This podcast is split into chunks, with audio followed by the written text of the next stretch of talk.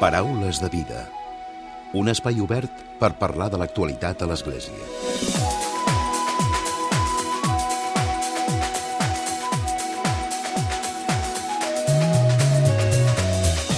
Què tal? Salutacions i molt bon dia, molt bon diumenge i molt bona Pasqua.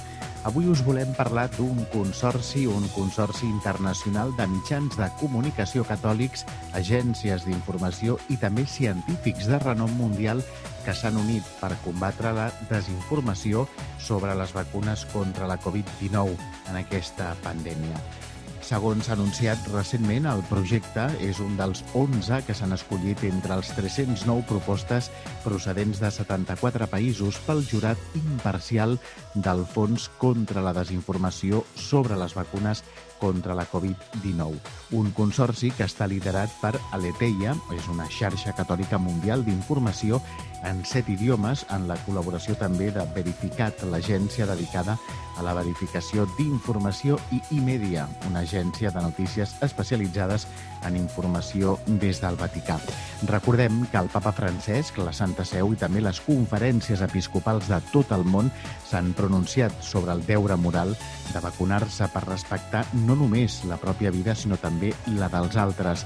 Ara bé, en la comunitat catòlica mundial i en particular a les xarxes socials es plantegen moltes qüestions científiques i ètiques que estan lligades al caràcter ètic del procés de producció de les vacunes que requereixen ser aclarides o explicades per científics, bioètics i també teòlegs.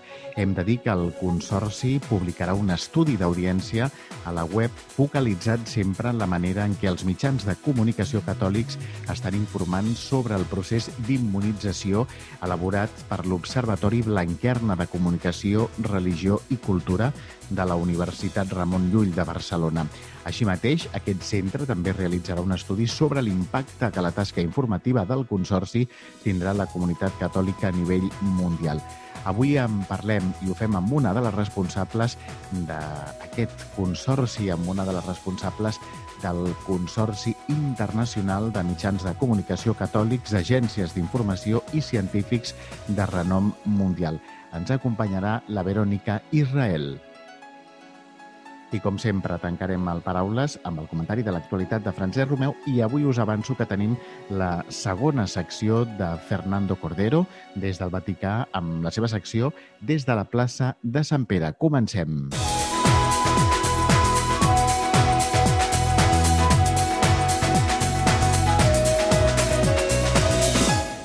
Paraules de vida amb Emili Pacheco. Verònica, bon dia i benvinguda al Paraules de vida. Merci, Emily, bon dia. Avui la Verònica, com hem dit a la portada, ens acompanya per parlar d'aquest consorci de mitjans catòlics contra la desinformació sobre les vacunes. Verònica, hi ha molta desinformació quan parlem de les vacunas y del proceso de vacunación contra la COVID? Sí, efectivamente hay muchísima desinformación Eh, dado que, bueno, por un lado la pandemia genera muchas ansiedades y muchos sentimientos, y por otro lado el proceso acelerado de la implementación de esta vacuna, eh, ha generado eh, que haya sido especialmente propensa a las noticias falsas, a la desinformación. Así que bueno, por eso un poco se ha creado este proyecto para, para combatir un poco esa desinformación y que la gente por lo menos pueda elegir si vacunarse o no con información certera. I en aquest cas amb informació que sigui mm, de veritat i informació que sigui també des de l'òptica mm, catòlica, no? perquè són, és un consorci internacional que hi ha mitjans de comunicació catòlics, també hi ha agències d'informació i científics de renom mundial. Sí, efectivamente. La idea es juntar a, a, personas, bueno, con distintas formaciones, pero todas expertas en distintas temáticas. Eh, el comité de expertos, por ejemplo, tiene a médicos, epidemiólogos, eh, virólogos, eh, personas eh, expertas en todo este tipo de áreas científicas, pero también hay teólogos y filósofos para poder tener todas las ópticas en conjunto y así asegurarnos de que, bueno, de que estamos hablando de lo que sería la verdad del tema o por lo menos información certera. Hem de recordar que el papa Francesc ha parlat sobre les vacunes i, sobretot, el missatge que ha enviat a les conferències episcopals de, de tot el món és que hi ha el deure moral de, de vacunar-se per respectar la pròpia vida, però també la dels demés. Però tot i això, tot i aquest missatge que és molt clar, molt contundent del papa Francesc, també és cert que a les xarxes socials es genera molt de debat i molts dubtes, no? Sí, eh, exactamente. Pasa que en muchos, bueno, incluso en medios, pero sobre todo en las redes sociales, distintos líderes de la religión católica plantean diferentes puntos de vista y algunos incluso plantean eh, como si fuera no moral la vacuna, como si hubiera, si hubiera no sido moral el proceso de, de generación de esta vacuna. Y es por esto que también se ha convocado a esta mezcla de, de, expertos de distintas áreas para poder transmitir una información certera, porque además, como mencionas, incluso el Papa ha, bueno, ha dicho que sí que era un deber moral vacunarse. Parlem una mica del consorci. Quins són els principals mitjans de comunicació catòlics que estan al capdavant? Bien, eh, bueno, por un lado, eh, los iniciadores de este consorcio son Our Sunday Visitor, Drusina, sanfrancesco.org, Religión Digital, está Cataluña Religió de, de, aquí, El Observador de la Actualidad y La Voz de Córdoba. Y bueno, luego se, se incorporarán el resto de los medios que llegarán a ser alrededor de los 100 medios. I també, Verònica, hi ha, ara que comentaves els diferents mitjans, a nivell d'Espanya també hi ha el portal Religión Digital. Sí, exactamente. Doncs mm, parlem d'això, d'aquests mitjans i una mica quin és, a, quina és la tasca que ells faran a partir d'ara. Bueno, los medios de comunicación, eh, es, por un lado, eh, van a ofrecer acceso libre a, la, información verificada y van a tener la posibilidad también de eh, contar con la información que brinda este comité científico y este portal que estamos creando. Entonces, estos medios de alguna forma van a liderar eh, esta información verificada para sus usuarios. La idea es que, o nosotros lo que haremos en el proyecto, por ejemplo, será analizar previo, las noticias que, que había previo a, a, a, que implementemos esta herramienta de fact-checking y luego haremos otro informe en el cual analizaremos qué pasó después para ver un poco si, bueno, si hemos podido contrarrestar estas noticias falsas. Uh -huh. I una mica quantes persones esteu al capdavant del projecte? Quanta gent, no sé si sou periodistes els que, els que faran aquesta informació de verificació i de, de comprovació que la informació sigui veritable, sigui real? Sí, eh, en realidad, sí, por un lado van a estar la plataforma Verificat, que es de aquí de Cataluña también, que ellos ya tienen muchos años trabajando en temas de verificación de datos y van a estar trabajando en este proyecto. Eh, y bueno, y por otro lado también estaremos contando con IMEDIA, que es la agencia de noticias especializadas de información desde el Vaticano. Eh, así que, bueno, sí, serán equipos bastante grandes, más el comité de científicos que estábamos comentando y los medios. Uh, és un projecte que està obert a altres mitjans de comunicació catòlics que també s'hi vulguin sumar, oi? Sí, sí, sí, efectivamente eh, estuvo abierto un tiempo eh, para quienes se quisieran sumar. Uh -huh. I en el cas de que s'hi vulguin sumar, eh, suposo que es poden sumar perquè, de fet, hi ha un, un correu electrònic per tots aquells mitjans que s'hi vulguin sumar que puguin tenir accés a la, la informació, a la feina que feu vosaltres, no? Sí, sin duda. De hecho, bueno, la idea del proyecto es tener el mayor alcance posible, ¿verdad? O sea, dado que el objetivo es combatir la desinformación, a cuantas más personas y medios se le llegue, mejor. I a més a més hem de recordar que també fareu un estudi d'audiència, no? Sí, eso será por parte del Observatorio Blanquerna de Comunicación, Religión y Cultura, que estaremos trabajando en, dos informes. El primero de web listening, en el cual vamos a analizar cuáles han sido estas noticias falsas, por dónde viene la desinformación, y luego haremos un segundo informe eh, una vez que, bueno, que se haya implementado eh, este proyecto y esta herramienta para ver cómo ha cambiado esto. Eh, parlem una mica també de, del comitè científic. Abans has dit que hi ha perfils que són molt diferents. Per exemple, tenim un dels referents a Catalunya, que és el, el filòsof i també director de la Càtedra Etos de la Universitat Ramon Llull, Francesc Torralba. També hi ha José María Simón, hi ha Letícia Soberón, Concepció Mestres Miralles. De fet, hi han persones eh, rellevants en els seus àmbits, no? Sí, sí, sí. Eh, el, comité científico cuenta con personas muy relevantes y reconocidas internacionalmente, cada uno por sus ámbitos. Eh, bueno, aquí también podemos ver una, amplia eh, representación catalana, como estabas mencionando algunas de las personas. También es parte de este comité, por ejemplo, José Esparza, que es profesor adjunto del Instituto de Virología Humana de la Universidad de Maryland, de Estados Unidos, y es consultor de la Organización Mundial de la Salud. Tenemos a Timothy P. Flanagan, que es profesor de medicina de la Facultad de Medicina de Alpert, de la división de Brown University. Y bueno, y así la verdad es que hay eh, un montón de figuras muy relevantes, cada una en su -huh. Suposo que el paper important, el fet que sigui un consorci internacional de mitjans catòlics, és per analitzar, per veure que, que el, tot el procés de vacunació de les, de les vacunes contra la Covid eh, s'ha de veure des de diferents vessants, no? des de l'àmbit epidemiològic, també des de l'àmbit mèdic, des de l'àmbit eh, sanitari, científic, bioètic, però sobretot també des del teològic, ¿no? que suposo que aquí és on hi ha el valor afegit a aquest consorci. Sí, efectivamente eh, creemos que es un valor agregado que haya teólogos y filósofos, porque, bueno, por una parte eh, es fundamental contar con la parte de medicina, biología, virología, pero siempre teniendo en cuenta las cuestiones morales y éticas, especialmente de la comunidad católica, que es la comunidad con la que estamos trabajando en este momento.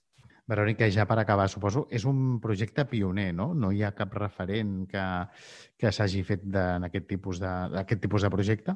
No, de hecho, eh, es, es, un tema que está siendo muy relevante porque además son, bueno, millones de, los, de personas, lo, lo, quienes hoy en día se identifican como católicos, eh, por ende es una población que impacta mucho si decide no vacunarse, por ejemplo, y era un tema que no se estaba trabajando y efectivamente es un proyecto que, bueno, que en, parte también entendemos que The Google News Initiative eh, lo apoyó por este motivo. Doncs, Verònica, gràcies avui per haver-nos acompanyat al Paraules de Vida i per acostar-nos una mica com és i com funciona a partir d'ara aquest Consorci Internacional de Mitjans de Comunicació Catòlics contra la desinformació sobre les vacunes contra la Covid. Bueno, muchas gracias, Emilia, a ti por tenernos aquí. Paraules de vida amb Emili Pacheco. Des de la plaça de Sant Pere és una nova secció que hem estrenat recentment al Paraules de Vida, de fet el mes passat, el mes de febrer, el mes de març, i ara arriba una nova secció, eh, una secció que ve a càrrec d'en Fernando Cordero. Aquí ja saludem. Fernando, bon dia i bona Pasqua. Bona Pasqua, Emili. Bona Pasqua a tots. Avui ens portes, ens parles d'una notícia o bé vols reflexionar amb els oients del Paraules de Vida en clau d'alegria i esperança, oi, des de Roma? M'agradaria començar, Emili, fent una associació entre la tovallola del lavatori de Jesús el dijous sant i aquesta mateixa tovallola, la del servei, que hem de seguir vivint al llarg de la Pasqua. Davant el risc del cansament, de la por o de la manca de sentit, estan convidats a senyir-nos la tovallola, a no llançar-la. La visita de Francesc a l'Iraq ha suposat una dosi forta d'esperança per a aquest poble tan cruelment assotat, un camí de llum pasqual en clau de fraternitat humana enfront de la foscor del terrorisme, la violència i la mort. De fet, la Pasqua, Fernando, ens recorda sempre la victòria de la llum davant de la foscor, però també el que passa és que a l'Església també sempre hi han o es donen clars obscurs, oi? Certament, Emili, el nomenament de Núria Calduc, que va estar recentment en el nostre programa com a secretària de la Pontifícia Comissió Bíblica, ha suposat una altra espurna d'esperança en les reformes del papa. No obstant això, dies després de la seva nominació, des de la Congregació de la Doctrina de la Fe, en la qual està inserida la Comissió Bíblica, s'ha més una sonada garrotada en una declaració oficial al, al voltant de les unions de les parelles homosexuals. De fet, no sé si, Fernando, tu que vius a Roma, que estàs a Roma, coneixes algunes reaccions, per exemple, al voltant d'aquesta qüestió que ara comentes, d'aquesta de, declaració de la doctrina de la fe sobre, en aquest cas, la benedicció de parelles homosexuals? M'han semblat clares i valentes les declaracions de l'arcabisbe de Brisbane, Austràlia, Mark Coleridge, que ha assenyalat el següent. Una església que diu que no pot ordenar dones està obligada a preguntar-se com hauria de fer partíceps les dones en el lideratge. Una església que diu que no es poden beneir les unions de persones del mateix sexe està obligada a preguntar-se com hauria, hauríem d'incluir-les. És a dir, l'arquebisbe, sense tirar la tovallola, interpel·la a seguir obrint portes i no tancar a la cara a diferents col·lectius que formen part essencial de la comunitat cristiana estem cridats, Emili, a una fidelitat creativa sense exclusions. Uh -huh. Fernando, ja veig que a Roma, tot i el confinament, ha estat intens, no?, aquestes últimes setmanes. Certament, Emili, la vida de la Santa Seu ens ofereix notícies d'allò més variades. El dia de Sant Josep va començar l'any Família Amoris Letícia. Més que mai, tots estem cridats a treballar per revitalitzar la institució de la família, no només en l'Església, sinó també en la societat. El camí és llarg i no acabarà fins a la trobada mundial de les famílies de 2022 la professora Gabriela Gambino, subsecretària del Dicasteri per als laics, la família i la vida, va deixar ben clara la situació de la família en l'actualitat a la roda de premsa que va oferir al costat del cardenal Kevin Farrell. Ascoltem les seves paraules. Oggi viviamo un'emergenza vocazionale, non solo alla vita religiosa, ma anche al matrimonio, poiché lo abbiamo detto, scegliere il matrimonio non è come scegliere un lavoro, è una vocazione. Vaig percebent que cada vegada es va parlant amb més naturalitat de la situació d'emergència vocacional i eclesial en què ens trobem. Això no ha de portar-nos a tirar la tovallola, sinó a canvi a un major compromís. Fernando, aquest dicasteri, el dicasteri pels laics, la família i la vida, el que ofereix és una sèrie de material molt suggerent no? al llarg de l'any? Així és, Emili. Periòdicament posaran a la web del Dicasteri de la Família recursos i petites eines pastorals. Hi haurà vídeos sobre l'exhortació apostòlica. En ells participarà el papa Francesc en els, amb algunes famílies de tot el món.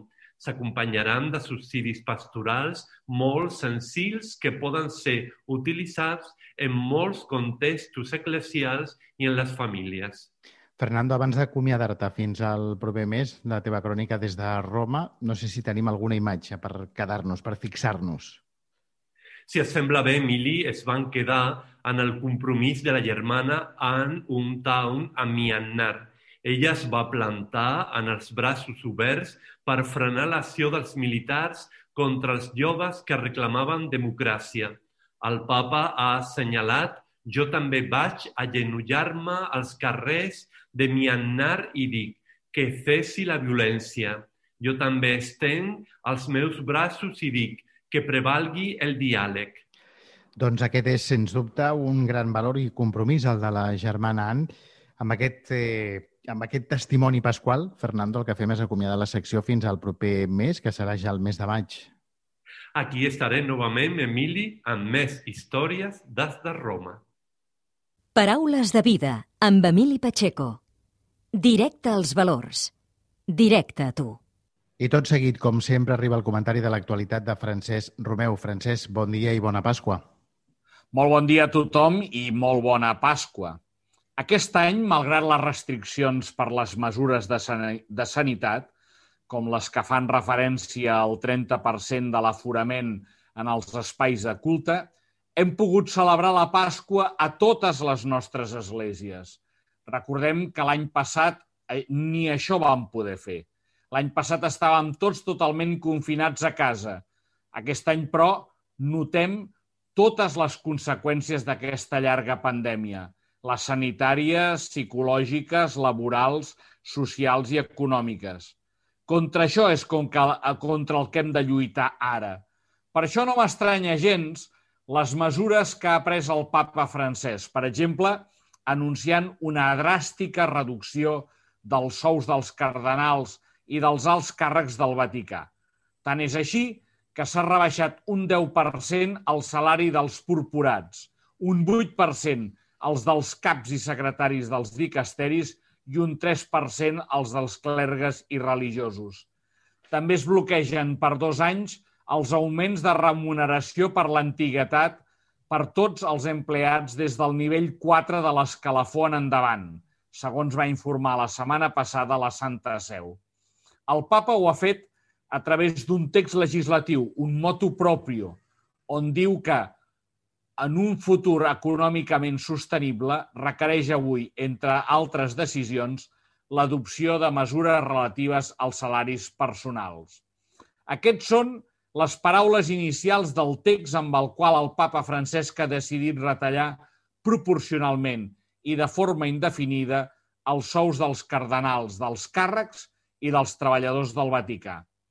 Segons aquest text legislatiu, la decisió del papa ha estat motivada pel dèficit que des de fa anys arrossega la gestió econòmica de la Santa Seu i, sobretot, per la situació generada per la pandèmia, que ha afectat negativament a totes les fonts d'ingressos de la Santa Seu i de l'estat de, la ciutat, de la ciutat del Vaticà.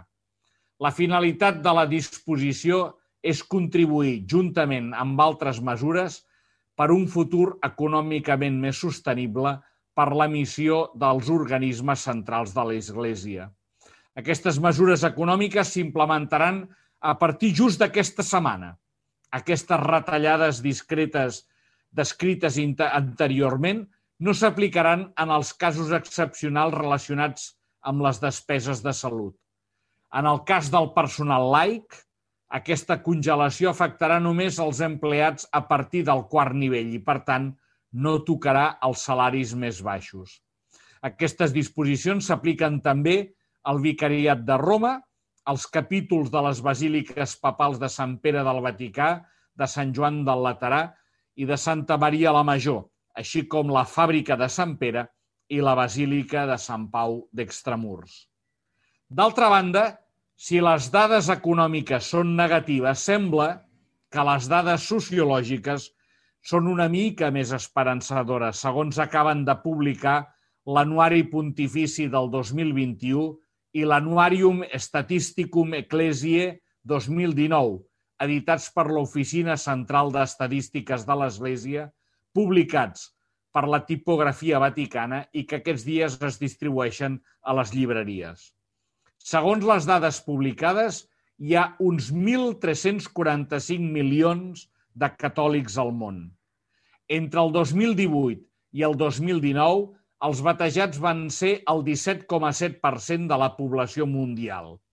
En el mateix període hi ha un augment de sacerdots, però una disminució de seminaristes religiosos i religioses. D'altra banda, hi ha molts més diaques. Són 48.238. Mirant detingudament les, data, les dades, a partir del 2018 hi ha uns 16 milions més de catòlics al món. El nombre de sacerdots creix també en el bieni 2018-2019. En total són 414.336, uns 271 més. Enfront dels importants augments d'Àfrica i d'Àsia, amb increments relatius al 3,45% i al 2,91%, a Europa i Amèrica Llatina es produeix un descens respectivament, de l'1,5% i aproximadament de mig punt percentual a Amèrica. Les vocacions sacerdotals segueixen baixant. Els candidats al sacerdoci al planeta passen de prop 116.000 a poc més de 114.000, un descens de l'1,6%. El continent amb major nombre de seminaristes és Àsia, seguit de l'Àfrica, d'Amèrica i finalment d'Europa i d'Oceania també disminueix el nombre de religiosos professos que no són sacerdots.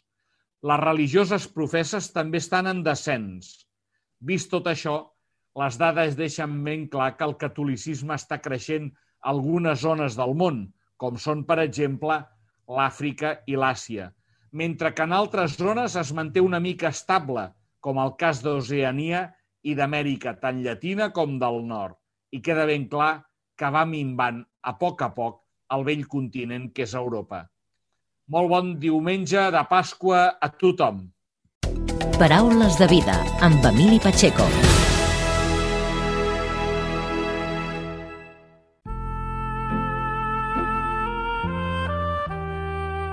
Us oferim la carta dominical de l'arcabisbe de Barcelona, Joan Josep Omella. Déu vos guard. La resurrecció de Jesús pertany al nucli de la fe cristiana com la passió i la creu.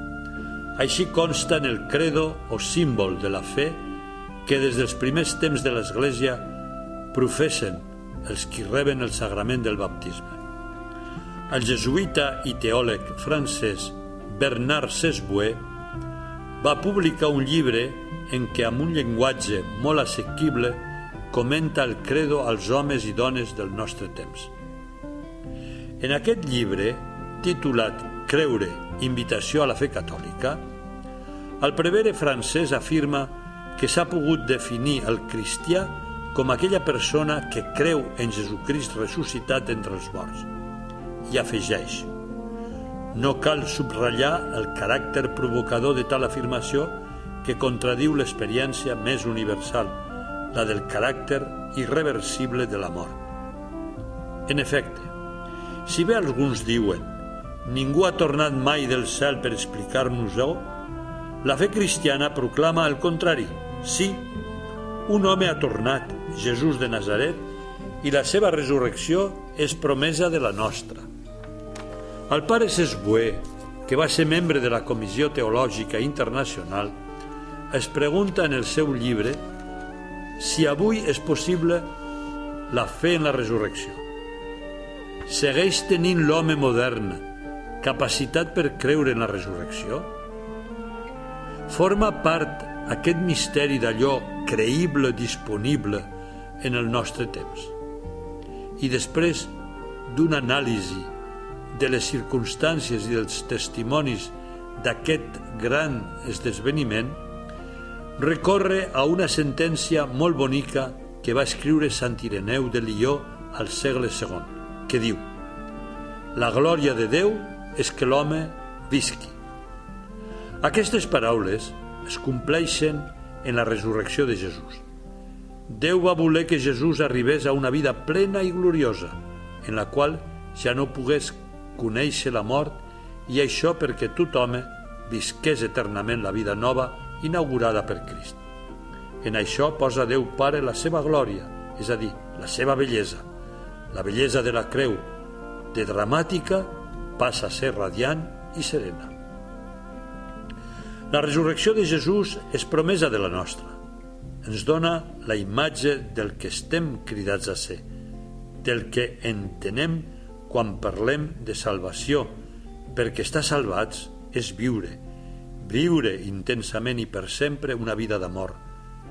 Jesús ressuscitat anticipa el que ens espera. Viurem en Déu eternament. El seu destí serà el nostre. El pare Bernard Sesbué no oblida que aquesta esperança sempre tindrà qui la contradigui. Per això afegeix que aquesta promesa no és l'opi del poble, sinó que és un do real que mobilitza totes les energies humanes per a la construcció d'una societat justa, lliure i fraterna. La resurrecció de Jesús és, en fi, una declaració d'amor de Déu als homes. Sesbué fa seves les paraules de Santa Teresa de l'infant Jesús quan diu que ara Déu ens mira a través del rostre del seu fill. Benvolguts germans i germanes, aquest diumenge de Pasqua de Resurrecció, m'acomiado amb la salutació pasqual tradicional que s'intercanvien els cristians a l'Orient quan diuen Crist ha ressuscitat i responen realment ha ressuscitat que la serena i profunda alegria de la Pasqua ens acompanyi a tots.